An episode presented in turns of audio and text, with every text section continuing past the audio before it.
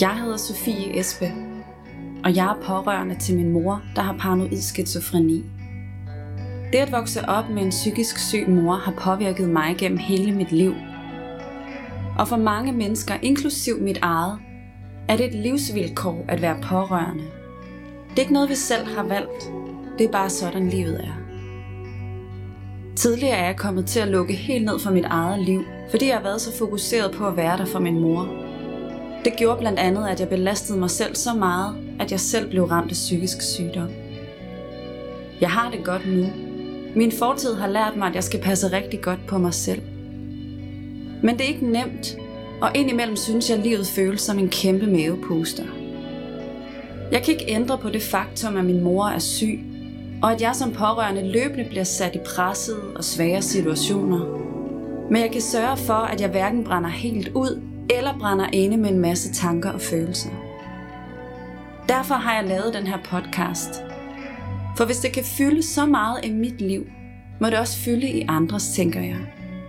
Og hvis vi taler åbent og ærligt om det at være pårørende, kan vi måske spejle os i hinanden og forhåbentlig føle os mindre alene om alle de bekymringer, frustrationer og magtesløsheden, der følger livet som pårørende. Jeg er nysgerrig på at vide, hvordan andre takler det. Derfor taler jeg i den her podcast-serie med forskellige pårørende og fagpersoner, og deler ud af mine egne oplevelser som pårørende. Velkommen til.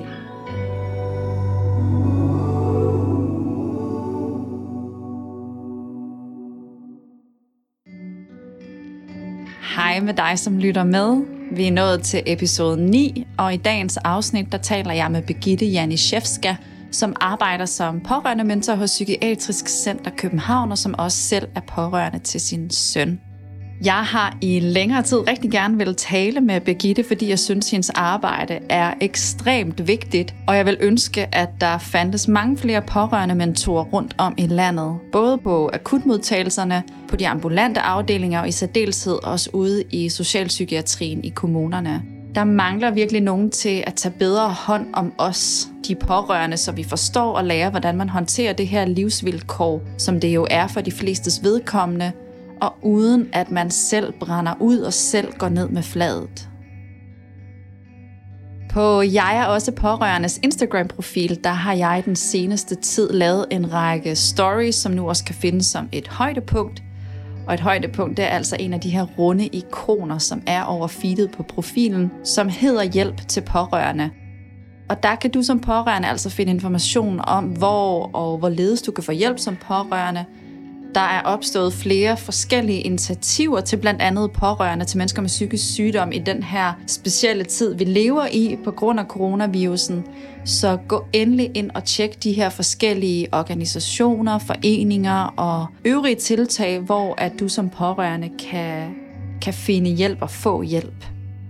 Og skriv også endelig til mig, hvis du kender til noget eller til nogen, øh, som hjælper pårørende, som ikke står derinde i forvejen, så skal jeg nok sørge for at tilføje det. Så hjælp til pårørende, det er klart et stort tema i den her episode. Jeg taler med Begitte om hendes arbejde, hvordan hun i første omgang blev pårørende mentor, og hvad hendes arbejde består af. Vi taler også om, hvad det har for betydning for de pårørende på Psykiatrisk Center København, at hun er der bare for deres skyld.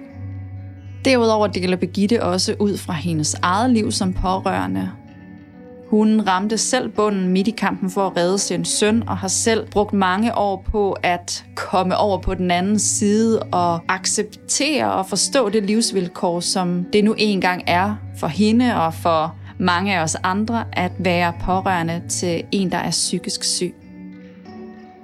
Som du også skal høre hende understrege flere gange i episoden, så gør det en meget stor forskel i hendes arbejde som pårørende mentor, at hun kan relatere til de pårørende og selv kan tale ud fra egne oplevelser og erfaringer.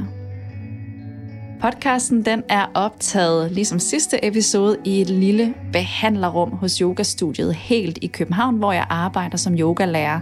Og vi har altså taget vores forbehold i forhold til at mødes Begitte og jeg. Ingen håndtryk, ingen krammer, og der var også masser af håndsprit på bordet imellem os, da vi talte sammen. Nu har jeg ikke andet at sige end rigtig god fornøjelse med at lytte til den her episode. Velkommen til dig, Birgitte. Mm-hmm. Inden vi går videre med at tale lidt mere om din funktion og din rolle som både pårørende og pårørende mentor, vil du så ikke give en kort beskrivelse af dig selv? Yes, tak fordi jeg må komme. Jamen, hvad skal jeg sige kort om mig selv? Jeg hedder Begitte. Jeg arbejder i Psykiatrisk Center København som pårørende mentor. Jeg er 53 år øh, og har to børn, øh, hvoraf den ene er 27. Han øh, har en diagnose af skizofreni, og så har jeg en datter på 33, som jeg ikke skal glemme, for hun er også vigtig i hele min fortælling som pårørende, tænker jeg. Fordi jeg er jo ikke kun pårørende til en syg, jeg er også pårørende til min datter, som har det rigtig godt.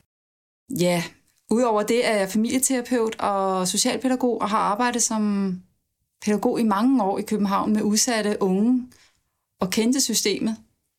Og troede, jeg vidste en hel masse om psykiatrien og hvordan det hele fungerede, fordi dem samarbejdede jeg jo også med der. Men øh, så skete der jo det for 10 år siden, at min søn blev syg. Og jeg vidste intet som helst. Der var jeg bare mor. Ked af det.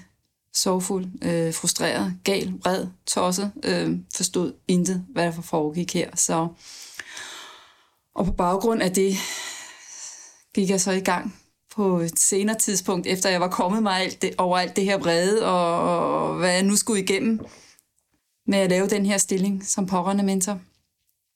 Så det er det, du laver nu primært? Det, det jeg laver nu. Nu arbejder, arbejder jeg som pårørende mentor mm. kun.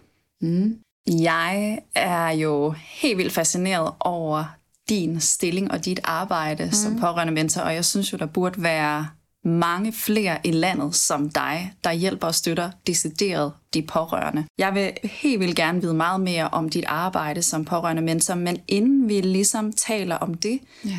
så kunne jeg rigtig godt tænke os, eller rigtig godt tænke mig, at du tog os tilbage til der, hvor det hele startede for mm. dig.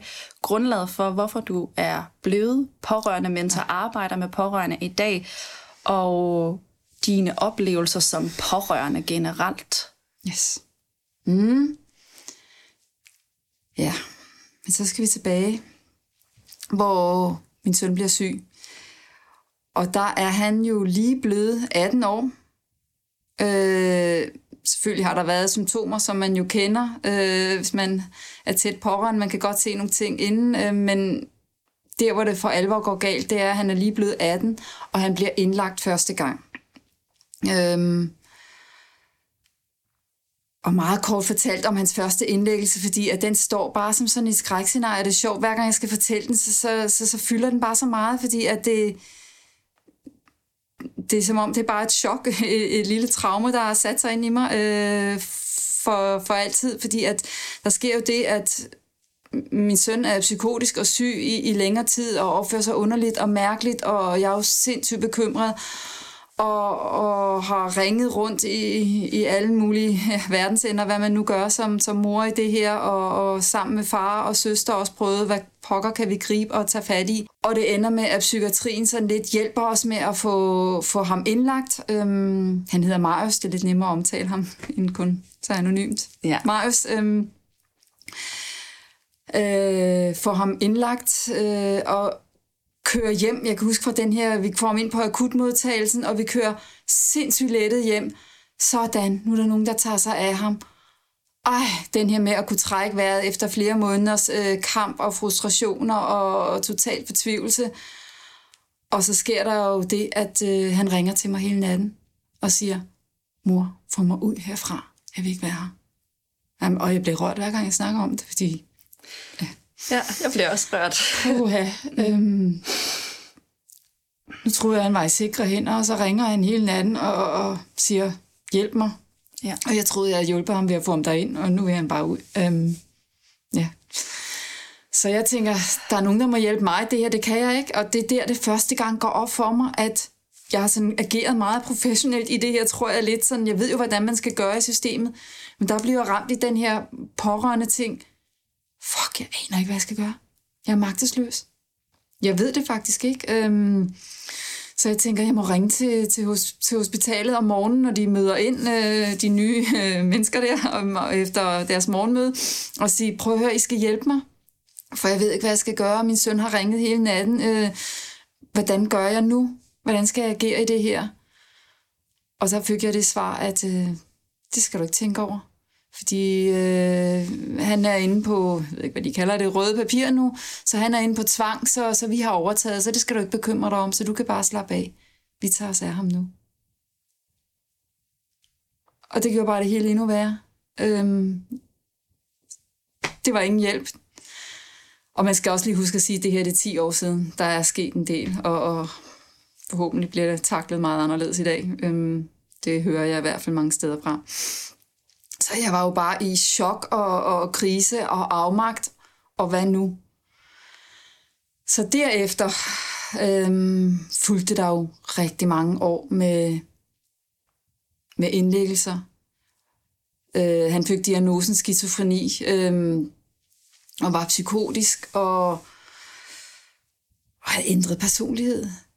Øh, han var ikke den søn, jeg kendte. Han var ikke det menneske. Øh, jeg vidste ikke, hvordan jeg skulle opføre mig over for ham. Hvordan skulle jeg være i det? Øh, når folk spurgte mig, øh, vidste jeg ikke, hvordan jeg skulle svare. Øh, øh, det var som om, fra den ene dag til den anden, var mit liv blevet en anden. Altså, det var, jeg vidste ikke, hvordan jeg skulle være i det. Jeg skulle lære det, kan jeg se i dag, når jeg kigger tilbage. Øh, og dengang var jeg jo bare et stort, øh, hvad er det her for noget, og hvad skal jeg gøre, og, og hvor skal jeg gøre mig selv? Øhm, ja. Ja, og så er man jo i total alarmberedskab hele Fuldstændig. tiden. Så man er jo bare ude med antennerne, og de, jeg tror de fleste af os, jeg kan i hvert fald genkende til det i forhold til, jeg er pårørende til min mor, men det her ja. med, at man bare handler og gør det, der ja. skal, og så lige pludselig, måske et år efter, eller flere år efter, kan man se ja. retrospektivt tilbage på, at shit, ja, ja. jeg var fortabt. Eller... Jeg var fortabt, og, og det er jo også det, der så sker. Der sker jo det, at øh, det, jeg står på i tre år, hvor, hvor jeg kæmper. Altså, jeg kæmper som en, mm, jeg ved ikke, jeg er, jeg er en løvemor. Jeg, er, jeg skal bare redde min søn. Jeg skal bare have ham tilbage. Jeg skal få det her til at stoppe og jeg skal få systemet til at se, at de skal gøre det rigtigt. Og jeg synes jo hele tiden, de ikke gjorde nok, og de gjorde det ikke godt nok, og hvorfor kunne de ikke, og, og jeg kæmpede, og jeg kæmpede, så der skete jo det, som du siger, at øh, jeg brændte jo helt ud. Øh, jeg endte med en overbelastning, øh, måtte sygemeldes fra mit arbejde. Øh, min læge sagde, jeg havde en depression, jeg kunne ikke hænge sammen. Øh, helt konkret, så var det en dag, jeg kom hjem fra arbejde. Jeg havde, det var vinter, jeg havde alt muligt tøj på, øh, og, og kom ind og lukkede min hoveddør. Og jeg nåede kun at lukke døren, så gled jeg ned ad den med alt tøjet på. Og der sad jeg i to-tre timer, hvor jeg bare sad. Og det er som om, min krop kunne ikke rejse sig. Altså, det var helt fysisk. Jeg kunne ikke mere. Øhm, og der ringede jeg så med mig syg næste dag og var syg i et halvt år. Øh, og derfra skulle jeg begynde at ligesom lære mig selv at kende på en ny måde, fandt jeg jo ud af, fordi at min læge sagde, at jeg var overbelastet, jeg havde stress, jeg havde tegn på depression, og, og hvem får ikke en depression af en lang og dyb sorg, fordi det, der jo også skete i alt det her, det var jo, jeg, jeg var jo bange for at miste min søn. Jeg kæmpede jo for ikke at miste ham. Og et eller andet sted, så havde jeg jo mistet noget af det, noget af ham. Øh, og det kan jeg jo se nu, at det er jo aldrig blevet det samme igen. Så det er jo en kæmpe soveproces, man også går igennem her som, som pårørende. Og en soveproces, som, som man sjældent sådan i tale sætter eller mærker rigtigt. Altså fordi så er der alle de der andre ting på to-do-listen, man skal gøre. Der er sindssygt mange ting, og man løber, og man kæmper, og, og, ja. og da det her jo gik op for mig, så var det jo den her med, okay, jeg bliver simpelthen nødt til at acceptere det her. Det er accepten af, det er mit livsvilkår. Jeg har en søn, der er syg nu. Ikke at han skal være syg, eller have det dårligt, eller være så syg resten af sit liv, men lige nu er det mit livsvilkår, så jeg skal lære at leve med det her. Fordi jeg kæmpede jo imod også ham. Jeg accepterede jo heller ikke ham, hvis jeg hele tiden ville have, at han skulle være, som han var for tre år siden. Øh, så hele det der gik lige pludselig op for mig, at jeg jo kæmpet mod noget, der ikke kunne lade sig gøre. Øhm, altså både øh, respekten for ham, at han var syg, kæmpede jeg imod, for jeg ville have det til at stoppe. Så det nyttede jo ikke noget. Og så den her med, at sådan var det nu, så det måtte jeg leve med. Og så kom den her voldsomme sorg. Og jeg tror, jeg græd i et halvt år. Og begyndte jo derfra at, at få massiv hjælp. Øh, ja, fik henvisninger til psykolog og begyndte at gå i pårørendegrupper. Og jeg tænkte, hvad pokker skal de her pårørendegrupper? Altså, de har det jo alle sammen dårligt, og hvad giver det mig? Og øh, jeg forstod det ikke, og jeg gjorde det, fordi jeg havde brug for at gøre noget. Og her er det vigtigt at nævne min datter, fordi hun stod faktisk og sagde til mig, øhm, at nu måtte jeg stoppe. Nu er det nok. Jeg har en bror, der er syg, og jeg har mistet en bror. Og jeg vil ikke også miste min mor. Ja. Mm. Så, ja. Så der var det jo, det gik op for mig, at det var jo ikke kun min søn, eller det handlede jo om, at jeg var faktisk også ved at miste min helt normalt fungerende datter i, i alt det her, og, og, ja. og der er nok andre ting, jeg har mistet undervejs, venner og bekendtskaber, hvad ved jeg, men, men det er så, hvad det er, det kan man leve med, men jeg skulle dele mig ikke miste min datter også. Så det var en drivkraft, der gav noget, så jeg skulle, jeg skulle gøre noget for at, at lære at leve med det her. Øhm, det er den sværeste udfordring, jeg har haft i mit liv. Og hvordan har du gjort det? Har du lært at leve med det nu? Nogle dage har jeg ikke stadigvæk. Øh, det er jo noget, der følger med mig resten af mit liv. Men jeg ved nu, at det er et livsvilkår, og jeg skal leve med det her, og jeg kan leve med det her, og jeg har fortjent et godt liv. Øh, så det er, det er jo sådan nogle ting, jeg bliver ved, og jeg går stadigvæk til psykolog. Øh, jeg holder fast i, at jeg har brug for øh, øh, nogen, der holder mig fast i, at det er okay, at jeg har lov til at have det godt, og have et godt liv. Fordi der er den der lille stemme, jeg tror, den vil være der altid og evigt. Der er en eller anden stemme, der siger, at jeg burde, eller kunne jeg ikke lige gøre? Kunne jeg lige ringe til en? Har jeg nu googlet alt? Har jeg fundet ud af alt, hvad jeg kan? Øh, altså, der er altid noget, man synes, man burde eller kunne gøre. Øhm. Men hvis man følger den stemme af dårlig samvittighed, eller hvad det nu er, ja. så ender man jo med at brænde ud. Så brænder man og glemme ud. sig selv. Præcis. Og det er ikke gavnligt for, for nogen. For nogen. For nogen. Og det er så nemt at sige, men det er utrolig svært. Det er sindssygt svært. Og det jeg jo også har brugt meget, øh, altså som jeg, man skaber sig jo nogle, nogle sætninger eller kasser og, og putte ting i. En af dem har været, at, at min søn skal heller ikke have det ansvar, eller have den skyld, at jeg ikke har et godt liv. Altså jeg kan huske i starten, da han blev syg, nu siger han ikke så meget mere. Øh, det var sådan meget, jeg skal nok klare det, du skal ikke bekymre dig. Og den stemme har jeg også valgt at lytte til ind i mig, ikke? Altså at det er hans. Ja. Mm. Ja. Så han skal ikke være skyldig, at jeg ikke har det godt. Det skal jeg selv sørge for, at jeg får et godt liv. Mm.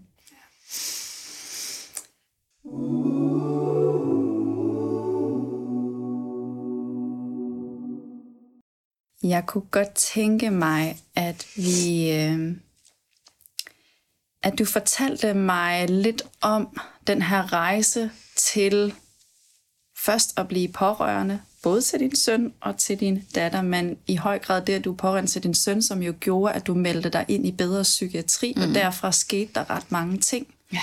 og som måske har gjort, at du er der, hvor du er som pårørende menneske. Vil du ikke fortælle lidt om den rejse? Yes. Mm. Ja. Ja, da jeg så begyndte at komme mig efter alt det her og skulle lære at være i det, så fik jeg også sådan en, okay, jeg skal ikke være alene, fordi jeg har jo kæmpet alene indtil nu. Så det her med, at hvor går jeg hen for at finde nogen at kæmpe sammen med? Fordi jeg vil jo gerne, stadigvæk gerne kæmpe for at få en bedre psykiatri, og, og, og ikke være alene om den her kamp.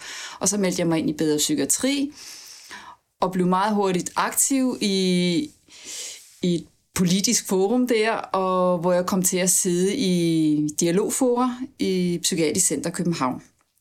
Øhm, Og hver gang der var møder der, så snakkede jeg jo løs omkring, jamen hvad med de pårørende, hvad med de pårørende, husk nu de pårørende. Det var jo simpelthen, jeg var sådan en kæmper, altså fuldstændig, øh, der skulle bare, hør nu, vi skal have noget for de pårørende her i psykiatrien, og ikke kun udenfra. Ikke ude i sind, ikke ude i bedre psykiatri, ikke dig, som arbejder frivillig her og kæmper, os der gerne, men der skal være noget lønnet. Det var meget vigtigt for mig. Og inde i systemet. Inde i systemet, der griber de pårørende. Og her er det måske lige vigtigt at sige, at der i starten, da min søn bliver syg, der har jeg en mor, der får Alzheimer's og demens diagnosen. Samtidig med min søn, psykotisk skizofreni, voksenpsykiatri. Jeg fik alt den hjælp, jeg kunne drømme om med min mor. Demenskoordinator, og der var nogen, der hjalp med at finde ud af tingene. Og i banken var der ingen, der stillede spørgsmål, når jeg kom ned, om jeg havde samtykke. Nå nej, du har jo en mor, der er dement, og det er jo hårdt. Ej, var det også forfærdeligt at miste sin gamle mor. Og, og jeg havde det sådan, hvad snakker jeg om? Prøv at miste jeres barn, voksen søn søster, øh, hvad det kan være, man kan miste i, i, til, til en sygdom. For demens er jo også en psykisk sygdom, men, men det var bare alt det modsatte, jeg mødte hos min søn. Så det var det, ja. der ligesom gav, at der kan godt være, og det gjorde en sikkerhed, og jeg følte mig ikke alene, jeg følte mig ikke fortabt, set og hørt, at der var nogen, der greb mig her. Ja. Og det var det, jeg ønskede, der skulle etableres i psykiatrien. Ja. ja. Så det var sådan lidt et wake-up call, at hold op, der er der noget, der mangler her. Så der kommer jeg til at sidde i det her dialogforum, og heldigvis er der en helt fantastisk udviklingschef der, øhm, som, som lytter til mig og siger, prøv lige at beskrive, hvad er det, du mener med det der pårørende i psykiatrien, og, og lav lige en beskrivelse af det, og jeg går hjem og laver et helt projektbeskrivelse, fordi jeg bliver sådan, det er bare vigtigt, den her stilling, og, og drømmer mig helt hen, at det kunne måske en dag blive min stilling. Det øh, var bare sådan på drømmebasis, jeg turde næsten ikke tænke på det. Øhm, og aflevere den til udviklingschefen og siger, værsgo, her er, hvad jeg godt kunne tænke mig. Og det var, at øh, der blev ansat en pårørende mentor i Psykiatrisk Center København. Helst øh, flere selvfølgelig, men vi starter med en her, som øh, får en løn, og som kun tager sig af det at være pårørende, at når du møder op i psykiatrien første gang med ja, din kære, hvem end det er, der bliver sagt her, velkommen i psykiatrien, vi tager os af alt det, der har med behandlingen og sygdom og, og medicin og hvad det nu er at gøre. Og så har vi en pårørende mentor til dig som pårørende, for vi ved, at det kan være udfordrende og svært at være pårørende mm. til en psykisk syg. Altså allerede der er der nogen, der griber, fordi at personalet skal jo alliere sig med den syge, så det kan være sindssygt svært at få de her, også en pårørende alliance og en behandlingsalliance og alt det der, der kan være på spil. Men at der simpelthen er en, der primært er ansat til den pårørende. Og det, der var vigtigt her også, det var, at den her funktion, pårørende mentor, at det var anonym, at der skulle ikke samtykke til, der skulle ikke noget godkendelse fra patienten, fordi det kan jo også igen være sindssygt svært, som rigtig mange kender. Øhm, det skulle være let tilgængeligt. Det skulle være let tilgængeligt. Med råd og vejledning og hjælp til selvhjælp. Og nu er du pårørende, men så du fik den der stilling, som du selv skrev en jobbeskrivelse Præcis. til. Præcis. Vil du ikke fortælle lidt om det? Yes. Hvor lang tid har du været der? Det har jeg været. Altså, der gik jo halvanden to år, fordi at, øh, det var jo også igen en kamp med penge i, i systemet, men det lykkedes. Og jeg startede 1. september 2017. Fik jeg 8 timer. Værsgo. Om ugen. Om ugen. Mm. 8 timer om ugen. Værsgo. Her, prøv at, at vise, hvad er det, du mener med den her pårørende mentor.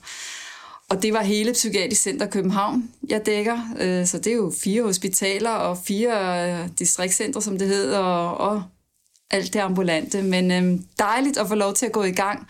Og det gav så god mening lynhurtigt, at, øh, at der var en, der tog sig af de pårørte. Og det, der også var fedt, det var at komme ud til personalet og få lov at præsentere det og sige, prøv at høre, I har faktisk en mulighed nu, fordi de er jo også frustrerede, når de ikke kan hjælpe de pårørende og bare skal sige, jamen gå du nu hjem, og, og så kan de give en pjæse til bedre psykiatri og sind og så videre. Så det var jo helt befriende for dem også lige pludselig at kunne sige, vi har faktisk en pårørende mentor ansat her på stedet til dig, som kan hjælpe dig. Hvor ja. fantastisk kan det være? Ja. Så, så de var jo også lige pludselig lettet og glade og, og, over at få den her mulighed. Så der gik ikke lang tid. Øh, 1. januar efter blev det til 24 timer, og jeg tror 1. maj efter blev det en fuldtidsstilling på 37. Fordi du kunne bevise, at der var brug for, at du var der længere tid. Ja. ja. Der er behov for det her. Mm. Det gav så god mening. Mm. Ja. Så hvordan helt praktisk fungerer det? Der er en, en borger, der bliver indlagt. Ja. Og de pårørende er med. Vil du ikke sætte nogle ord på det? Jo. Øhm, jamen, altså mit store ønske er jo, at lige når de kommer ind, og, og man kan også sige, at de fleste henvendelser, jeg får, lige nu, det er faktisk fra akutmodtagelsen meget, fordi det er jo der, hvor man kommer, og det er akut, og det brænder på, og de pårørende står totalt magtesløse tilbage, fordi de tager jo bare imod her, øh, og så skal de finde ud af, hvad, hvad, hvad gør vi videre med patienten. Men at kunne sige, at vi har faktisk en pårørende mentor her, hende kan du ringe til. Og det, der er det vigtige, det er, for mig har det været meget, de må ikke give pjæsen bare i hånden med hjem. For den kan jeg i hvert fald huske på egen krop. Den her med at hjælpe nu dig selv. Hvad snakker I om? Jeg fattede det ikke i starten. Hjælp mig selv.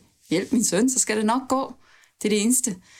Men at de siger, vi har en pårørende mentor ansat her, må vi give hende dit nummer, så kontakter hun dig. Igen. Mm. Vi tager ansvar for, at jeg kontakter dem.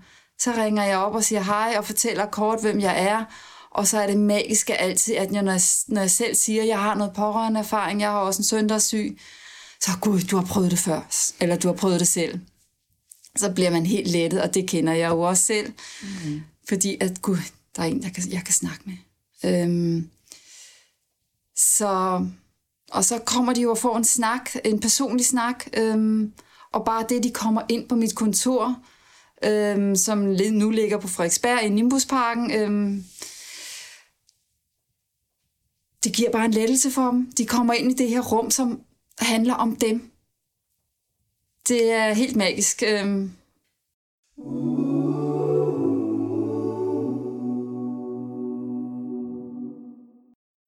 Slog mig lige sådan helt spontant, det her med, at, at som jeg også kan fornemme på dig, men som jeg også selv har oplevet, at det tog mig rigtig mange år at finde ud af, at jeg skal passe på mig selv som mm. pårørende. For jeg har altid tænkt, jamen det er jo min mor. Ja.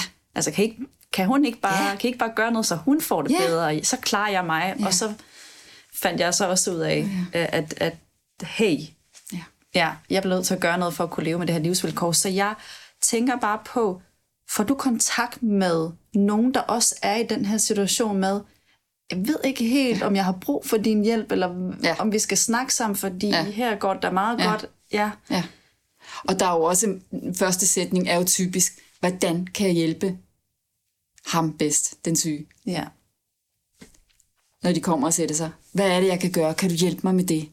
Og så er det jo, vi snakker hele vejen rundt, og så, så skal jeg jo også ofte forklare, jeg kan ikke sige noget om behandlingen, men så kan jeg igen hjælpe med at guide tilbage til behandling. Men via min egen historie igen, kan jeg jo fortælle, at det er vigtigt, og så giver det forståelse, og så giver det mening, at nå ja, jeg bliver nødt til at gøre noget for mig selv i det her. Fordi, også for at hjælpe den syge, fordi man forstår det ikke. Og, og det kan også være, at det slækker den snak, man har i starten, men så hjælper jeg dem måske med at blive guidet igennem systemet. Måske er det den hjælp, de har brug for lige der. Altså det er jo der, hvor jeg er med til at afdække, hvad er det, de har brug for lige nu.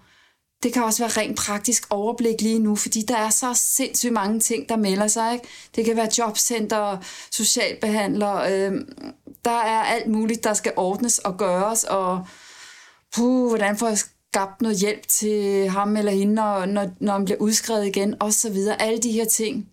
Men lige at få ridset det ned og lavet et system sammen med dem, ja, det kan det også bare være. Ja. Og så sige, når vi så har gjort det, så synes jeg, at vi snakkes ved om en måned, og så snakker vi lidt om, hvad, hvordan kan vi hjælpe dig til at være i det her? Ja, ja, men bare, bare han får den rigtige hjælp, kan nogen godt blive ved, så ja. Og den kender jeg jo selv så godt, så den kan jeg jo smile og, og sige meget ironisk et eller andet til dem. Ja, jeg har selv været der, så, så ja. nu skal du høre. Og det er jo det, jeg kan som pårørende mentor, fordi jeg selv har prøvet det.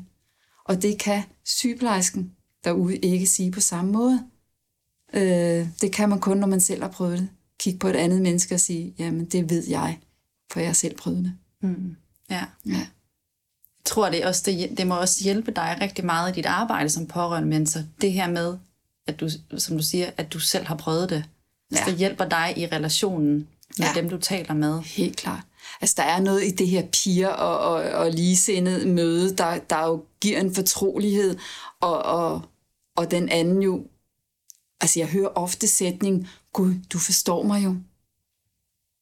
Ja. Og det er, jo, det er jo også det, jeg har savnet i starten, altså fordi, og det kender vi jo alle sammen, sikkert også pårørende, øh, den her at være tæt på, at, at man siger det til en veninde, eller øh, til en arbejdskollega, eller hvad det kan være, og det bliver aldrig modtaget på den måde, man egentlig kunne have behov for, helt personligt. Og det er det møde, jeg håber, at man kan skabe det her møde med en pårørende mentor. At blive hørt og set. Ja, og en, en større forståelse. Ja. Vil du ikke... Øhm, nu tænker jeg, at du i siden 2017 har, har formentlig talt med rigtig mange pårørende. Mm. Hvad er ligesom de ting, som går igen? Hvad er det, du mærker, at der er behov for, eller de taler om? Hvad der ligesom er karakteristisk ved ja. pårørende problematikken eller pårørende perspektivet? Ja. Altså, der er jo den her med, altså mange kommer jo, og den her med, jeg ved ikke, hvordan jeg skal være i det. Jeg ved simpelthen ikke, hvad jeg skal sige, hvad jeg skal gøre. Skal jeg gå til højre eller venstre? Øhm, hvordan skal jeg opføre mig? Hvad, hvad, hvad kan jeg tillade mig? Og, og, og hvornår er jeg behandler, hvornår er jeg mor, hvornår er jeg kæreste, hvornår er jeg behandler, og hvordan adskiller man tingene, eller kan man adskille tingene? Altså at få den her snak, det er en af de helt store, der fylder rigtig meget. Øhm. Og det næste, der fylder rigtig meget, det er jo, hvordan lærer jeg at leve med det? Altså det her med, hvor man kommer i kontakt med den, som jeg gjorde efter tre år også, at den her, jeg skal også passe på mig selv. Hvordan gør jeg det her? Øh, og det er jo et sindssygt svært spørgsmål, og det er jo ikke et, jeg har jo ikke en brochure, jeg kan op af tasken, bare jeg havde, øhm, og sige, nå, det er sådan her, der er de syv øh, måder, du gør det på, og så får du et rigtig godt liv Så får bagefter. du et rigtig godt liv. Det er der jo ikke, så det her, det er jo en proces, du sætter i gang i det, du begynder at have snakken, og så får noget hjælp til, hvad du skal, og, og det er jo der, jeg også går ind og afdækker, er det måske grupper, dem, der har brug for, nogle er rigtig, rigtig alene i det også, og har slet ikke nogen tæt på, og har virkelig brug for at møde andre også. Det kan være det. Dem, der er mere i krise og, og er så sorgfulde, at de næsten ikke kan hænge sammen, de kan jo ikke sidde i en gruppe og høre på andre. Så der er det hjælp til, at det via egen læge at få en henvisning og hele den tur igennem. Og der kan jeg jo også nogle gange være sådan, følge op på det. Nærmest ligesom sådan en læge, at jeg bliver lidt lægeagtig får kasketten på og siger, jeg ringer til dig næste uge og, og, og hører, har du fået gjort det? Må jeg godt det, spørger jeg jo pænt. Jamen, det må du gerne. Og så føler de sig jo også, gud, der er nogen, der passer på mig. Og når man føler, at nogen passer på en, så kan man også begynde at passe på sig selv lidt. Så hele det her, ja. der hænger sammen, ja. Og så også det her med i talesæt. Nu er jeg jo familieterapeut, så det, det sidder jo også i blodet på mig, at afdække, hvad rører sig i familien. Altså, fordi det smitter jo af. Altså, det fandt jeg jo også først se nu, af, hvor meget det egentlig har smittet af på min helt velfungerende datter.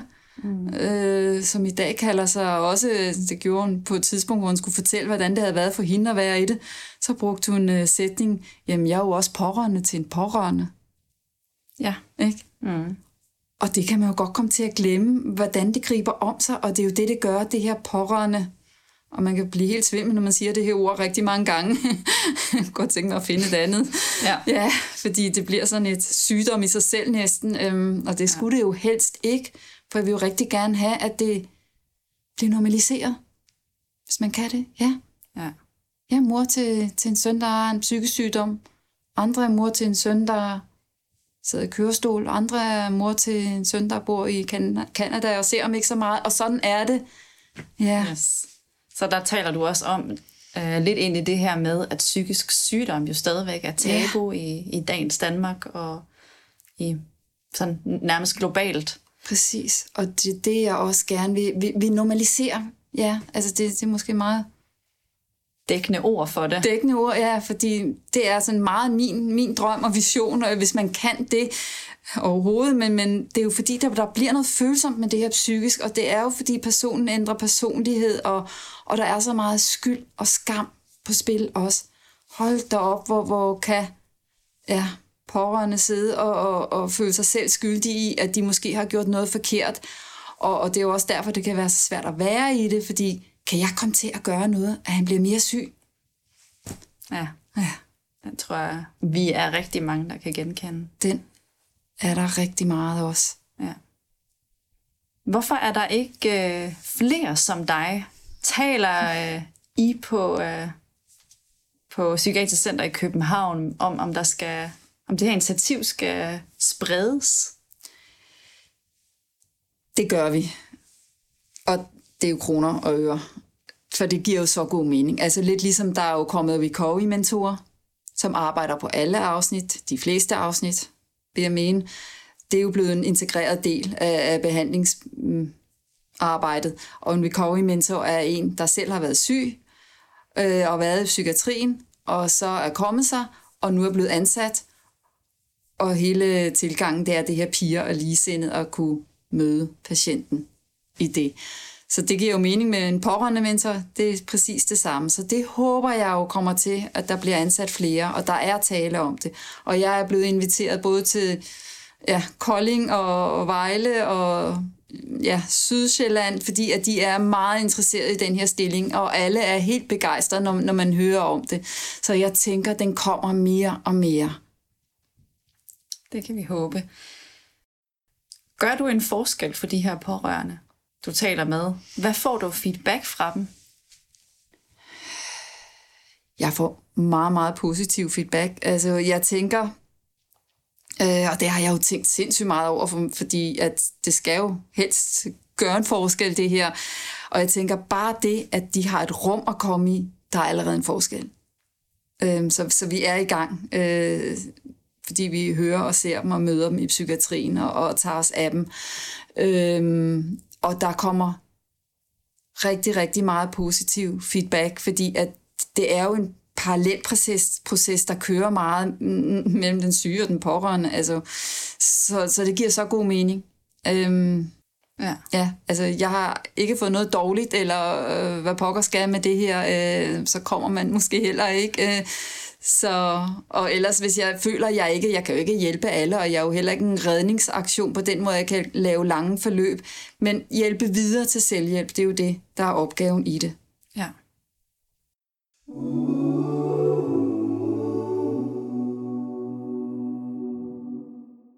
Jeg, øh, jeg kom bare sådan lige til at tænke på, at øh, sådan et eksempel fra mit eget liv. Mm. Min, øh, min mor, hun har været indlagt sådan ret mange gange her det sidste halve års tid, både fordi hun så ikke har taget sin medicin, men så fordi hun har ændret medicin. Så der har været sådan lidt øh, ujævn, usikker periode. Og jeg tror, jeg har været på statspsykiatrisk akutmodtagelse, som det så er øh, jamen fire gange. Og der er aldrig nogen, der har spurgt mig, øh, har du det godt? Øh, ved du, øh, hvad der skal ske? Øhm, og jeg tror, jeg i flere afsnit i den her podcast, men også i mit private liv, har talt med venner og bekendte om, åh, oh, hvor kunne jeg godt bruge en mentor. En, som jeg kunne vende alle de her ting yeah. til, for, for, for jeg kan virkelig også godt genkende det her med at stå midt i orkanens øje og ikke vide, jamen hvad har jeg rettigheder, hvad kan jeg, skal, vil det være bedre, hvis jeg gjorde det, yeah. eller skal jeg trække mig, skal jeg insistere noget mere, mm. og ja, så, øhm, så jeg, kunne, jeg kan til jer, der lytter med derude, så hvis der er nogen, der kan tage nogle beslutninger om det her, så for delen da, øh, vi skal have nogle flere pårørende mentorer. Det skal vi. I ja. den grad. Ja. Ja, og det er meget fint, det, det du beskriver, fordi at, øh, og det er jo ikke fordi, at de ikke vil, eller øh, jeg, jeg ved ikke, hvad der sker nogle gange, men, men, men selvfølgelig skal man jo have øje for det.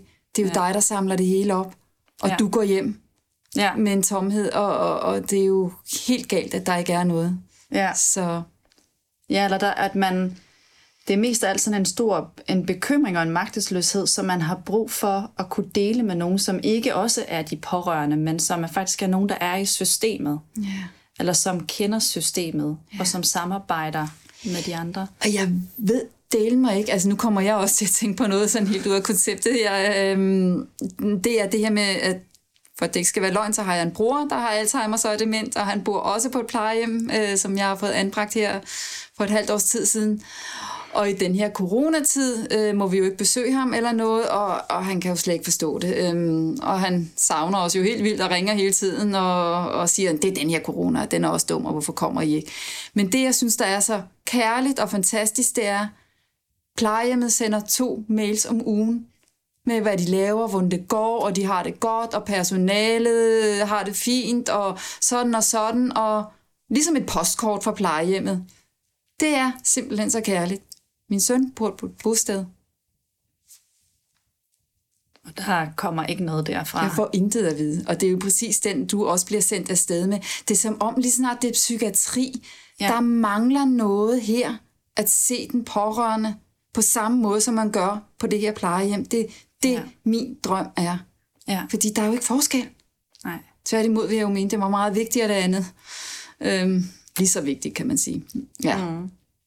Jeg står jo præcis samme situation, for min mor bor på et, et bosted plejehjem for ja. psykisk syge voksne. Ja.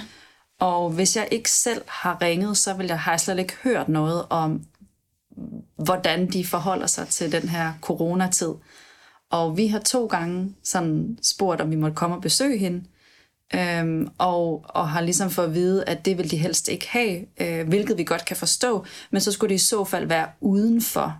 Ja. Men så begynder, begyndte mig og mine to søskende, som er hendes, min mors pårørende, også at tænke på, mm. jamen, hun har, min, vores mor har ikke særlig godt immunforsvar, så ligesom at Nej, skal det. bevæge os uden for hendes base, det kan vi næsten heller ikke tillade os, så man, det, jeg tror, det jeg prøver at sige er, at når vi så også er i en tid som nu, der er så speciel, ja. så har vi pårørende jo brug for endnu mere råd, støtte, yeah. sparring, samarbejde, yeah. for at forstå, hvordan vi skal forholde Præcis. os til det. Ja. Og det, du oplever med din søn, det jeg oplever med min mor, er total stillhed. Stilhed. Ja. Fuldstændig. Og, øh, og det gør bare, at man føler sig endnu mere frustreret, ja. eller det har jeg nok følt ja. mig lidt i den og, tid. Og, og så kan det godt være, at nogen tænker også, fordi jeg tænker, jeg er da en meget øh, klog, handlingsdygtig kvinde, og, og, og ved en hel masse om systemet, og jeg er pårørende mentor, hallo. ja. ikke? Jeg burde da bare kunne ringe til bostedet og sige øh, øh, nogle kloge ting, ja. og så, så, men der er bare et eller andet berøringsangst, og, og stadigvæk, altså, hvor jeg vil ikke være til besvær, og, og jeg har jo ringet rigtig meget, og, og de har også travlt for tiden. Altså, det, den ja. er der også hos mig. Øh, altså jeg har faktisk prøvet at ringe nogle gange, hvor jeg ikke er kommet igennem, fordi jeg har sådan lyst til at fortælle mig omkring min oplevelse med, at jeg får rigtig meget plejehjemmet, men, jeg, men, men det bliver bare sådan skældt ud igen, hvor, ja. og det er det, jeg ikke vil tilbage til, fordi det var det, jeg havde dengang, jeg havde det rigtig skidt. Det var jo min vrede, der åd mig op, øh, fordi det var jo ikke sundt. Nej. Så den skal jeg virkelig prøve at pakke sammen og, og, og, og få ud på en anden måde, jo, øh, men, men det er svært. Ja. Selv for mig. Ja. Som kender alle knæb og tricks. Og, ja. og så tænker jeg også på, at jeg synes også, jeg har bearbejdet rigtig meget. Jeg er ikke psykoterapeut, som du er, eller familieterapeut, øh, eller pårørende mennesker for den sags skyld, men jeg synes, jeg har bearbejdet rigtig meget. Men jeg føler stadigvæk, at det er sårbart. Mm. Altså min relation til min mor og alt ja. det der omkring. Og, og det, det går lidt i, i sådan... Øh, ja. Altså, nogle, nogle perioder, nogle dage, så ja. synes jeg bare, åh, så står jeg stærkt i mig selv, kan klare det andre ja. dage. Huh, jeg synes, det er hårdt. Ja. Og, og, og det jeg også tænker i forhold til det der, du siger med, at du er jo pårørende, men så du burde jo kunne det, og ringe til dem og sige, I skal gøre sådan. Det er bare sårbart, fordi det er din egen søn, det handler om. det er det. Og så tager du ikke den der professionelle pårørende mentorhat på. Den findes ikke. Øhm, så man har så meget brug for, jeg tror min pointe er, at man har så meget brug for, at der er nogen, der rækker ud til Ja. en. Præcis. Til os pårørende. Ja. Så det er ikke os, der skal synes, vi hele tiden skal sådan Ja. grave og rive i Ja. dem. For vi ved, at personalet har travlt. Vi ved, at sygeplejersker og Ja. læger har, Ja. har masser at lave. Ja, og vi er jo vigtige. Altså, det, det står alle steder, og der er evidens for det, og, og så... Der er rigtig meget evidens for, at, at den syge bliver hurtigere rask, faktisk. Ja. hvis vi bliver inddraget, at den syge bliver hurtigere udskrevet. Og der er også rigtig mange undersøgelser, der viser, at en tredjedel af de pårørende bliver selv ramt af psykisk sygdom på grund af den belastning, det er ikke at blive inddraget, ikke at blive øh, set og hørt. At det, det er jo også en kæmpe ting, at den her øh, stilling sprang ud af. Det var jo, at jeg tror ikke, jeg kender nogen pårørende, der ikke har været forbi systemet på en eller anden måde. Altså, om det så er dyre psykologtimer igennem systemet, det er jo sådan billigt i virkeligheden, men rigtig mange mister jo arbejdsevne og går ned i tid og har været sygemeldt øh, i, over længere tid, og det griber så meget om sig. Ja. Så jeg vil bare ønske, at vi kunne blive bedre til at gribe noget før.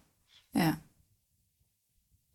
Jeg har læst, at du har udtalt om, at der skulle være sådan et pårørende hus. Og det har jeg selv også i talesæt flere gange. Jeg tror også, jeg har i talesæt det her i Ja. ja. podcasten. Nå, det har jeg ikke hørt. Spændende. Ja, meget. Jamen, det er jo min store, store drøm. Helt vildt store drøm. Det er, at der skal etableres et øh, pårørendehus, eller et center for pårørende, kald det hvad du vil. Øh, nu tager vi København her. Øh, hvor alt bliver samlet, hvor den pårørende kan møde op, øh, for råd og vejledning. Der sidder sagsbehandlere, der sidder øh, terapeuter og hjælper med noget snak. Der er vejledning til familier, hvordan de skal agere i det, og, og børnesamtaler foregår der, men sådan lidt, hvor det hele bliver samlet i et hus, så det bliver helt normalt, naturligt at komme som pårørende ind og få noget hjælp, ligesom man går til lægen med en forstuet fod eller halsbetændelse. Ja, det er virkelig en drøm, jeg har. vi to, der har den drøm, og jeg tror, godt. vi, er- vi er mange, der har den drøm, og jeg ved, at jeg tror, der er noget i Nordjylland, der har noget lignende inden, inden for regionen eller inden for kommunen. Øhm, så der er, jeg ved, at der er et sted i, Det er der i Aalborg. i Aalborg, er, ja. er noget der, som... Øh, De har, jeg har været over dem. De har det, der hedder et center for pårørende, hvor det hele er samlet. Det eneste minus ved deres, som ikke skal være i vores to hus, øh, det er, at man skal have samtykke. ja, Vi hjælper ikke, hvis der ikke er samtykke, så patienten skal deltage i den her hjælp i det her hus, hvor her det skal være ligesom den her pårørende mentorstilling, at pårørende kan komme. Det er for de pårørende. ja.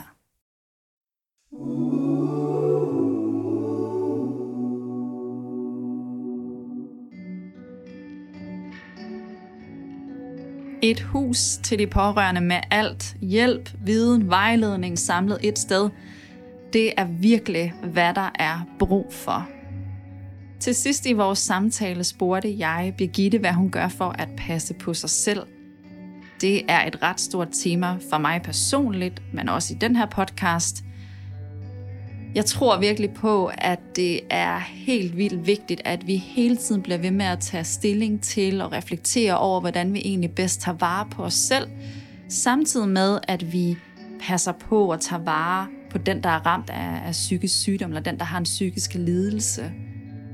Det er helt vildt svært, øh, og man mister så hurtigt sig selv, fordi man så gerne vil redde den syge, eller forsøge at gøre det hele bedre, eller få alt til at, at være, som det var engang. Så det her tema at passe på sig selv, det er utrolig vigtigt for mig, og det er det også for mig i den her podcast. Så nu skal du høre, hvad Birgitte svarede til det. Hvad gør jeg for at passe på mig selv? Jeg gør, hmm, hvad gør jeg nu?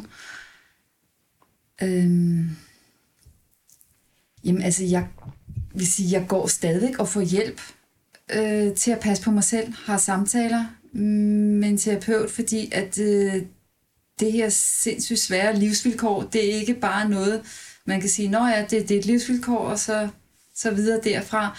Altså jeg siger jo, at jeg har taget en ny uddannelse. Jeg er mor på en ny måde. Har skulle lære at være mor på en ny måde, efter min søn blev syg. Øhm, så, så det har jeg fået hjælp til. Og, og det jeg jo gør for at passe på mig selv, det er at blive ved med at søge den her hjælp og få den her hjælp, for at holde mig fast i, at jeg gør det rigtige, og snakke med nogle professionelle omkring det.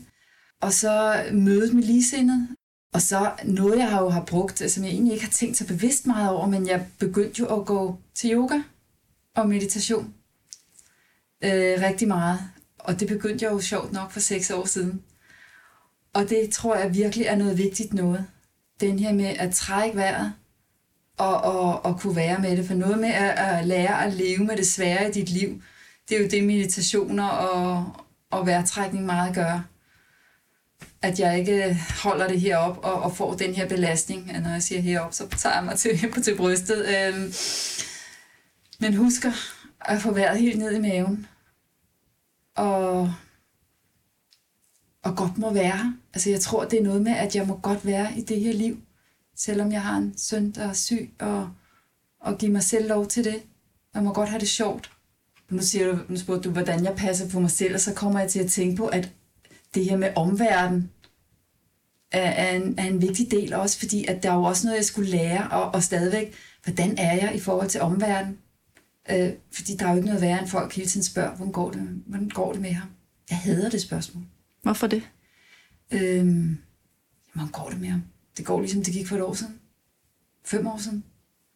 Øh, der sker ligesom ikke noget nyt. Og det her spørgsmål minder mig hele tiden om min afmagt, og min magtesløshed, og, og, og jeg skal ligesom få svar, eller måske også få en, en jeg forklarer, hvor, hvorfor går det ikke bedre? Jamen har de ikke gjort, og, og kan de ikke gøre noget på det bosted, eller hvorfor kan psykiatrien ikke? Og hele de her øh, ting, man kan blive mødt med, som bare øh, forstærker ens afmagtsfølelse og ens skyldfølelse. Øh, der skal jeg også lære at være i omverdenen og, og, og med venner og bekendte. Så jeg skal også lære dem og mig selv. Altså, hvordan siger jeg fra og til? Og så tror jeg, at jeg sådan har lært mig at være i det. Altså, det er jo også noget, der er jo ikke nogen mennesker, der vil mig ondt, når de spørger de her ting. Alle gør det jo af, af omsorg og, og kærlighed og interesse, og, og nogen kender jo også uh, Marius fra før i tiden, og vi spørger til ham, og ved jo ikke, at det tænder en smerte i mig uh, hver gang. Uh, så, så det er også noget med at lære at adskille det. Og det skal man have hjælp til. Jeg tænker ikke, man kan selv. Mm-mm. Så ja. Altså, så er der jo den her øh, dybe, dybe sorg, som jeg jo også bærer med mig, øh, og som ikke forsvinder. Altså, jeg har jo... Ja, bliver ked af det, ikke? Det er helt okay. Så der er jo noget, jeg har mistet. Eller jeg har jo mistet min søn, som han var, og det kommer ikke tilbage. Og, og det er jo en sorg, jeg bare bærer på. Øhm, eller bare. Ja. Men har lært, hvordan jeg skal bære på den, men den skal ikke fylde hele mit liv. Men på et tidspunkt troede jeg også, at den skulle væk, men den kan ikke komme væk. Altså, det er jo lidt ligesom, hvis man har mistet ja. en mor eller en søster, og, og helt, altså hvis de er døde, øhm, så kan man sørge på en anderledes måde, men jeg vil jo tænke på dem resten af mit liv. Og, og sådan er det her også en sorg, som jeg bærer med mig. Og han er der bare hele tiden for at minde mig om den. Men det, jeg skal lade være med, det er at drømme om, at det bliver, som det var. Ja. Jamen, altså, øh, med den her med at passe på mig selv, tænker jeg også, men hold da op, og har jeg da også lært meget. Altså, kan man sige, jeg føler også, at jeg står som en stærkere Begitte på nogle måder. Jeg kan også huske, du siger det i en af dine podcasts, faktisk, den jeg lige hørte i går, men den her med, der er også noget, der har gjort mig helt sindssygt stærk. Øhm, fordi jeg har klaret det her og, og står her og kan smile og kan græde, men man kan begge dele. Øhm, ja. Så ja. Jeg er sikker på, at begge dine øh, børn er meget, meget stolte af at have dig til mor. Mm. Tak fordi du vil være med. Selv tak. Jeg er mega fan af Begitte, og hvor er jeg glad og taknemmelig for, at hun har kæmpet de kampe, hun har gjort. For hun har virkelig gjort en forskel for rigtig mange af os ved at have taget initiativet til den her pårørende mentorstilling. Tusind tak til dig, fordi du lyttede med. Følg endelig med på Instagram-profilen, hvor jeg i den kommende tid også vil lave lidt info omkring Begittes arbejde, og hvordan man kan komme i kontakt med hende, hvis man er pårørende til en, som er indlagt på Psykiatrisk Center i København. Du er også altid velkommen til at komme med forespørgelser eller forslag til indhold til podcasten. Og her til aller, aller sidst, så har jeg også en lille opfordring til dig, som lytter med, og som synes, at podcasten har en betydning for dig. For i forbindelse med mit speciale, som jeg lige nu skriver om podcasten, så har jeg lavet et spørgeskema, som grundlæggende handler om podcastens betydning for lytterne. Og har du ikke udfyldt det her spørgeskema endnu, så vil jeg være så taknemmelig for, hvis du vil gøre det. Du finder info om det hele og link til spørgeskemaet i bio på Instagram-profilen.